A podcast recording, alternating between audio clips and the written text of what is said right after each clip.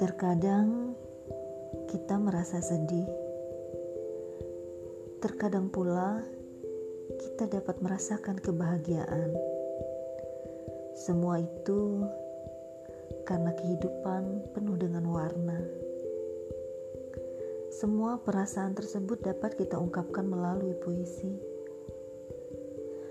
Nah, sobat podcast, untuk menemani malam-malam sobat podcast, saya akan membacakan puisi yang mengungkapkan kesedihan maupun kebahagiaan agar kenikmatan malam dapat lebih terasa dan tersapi. Selamat menikmati.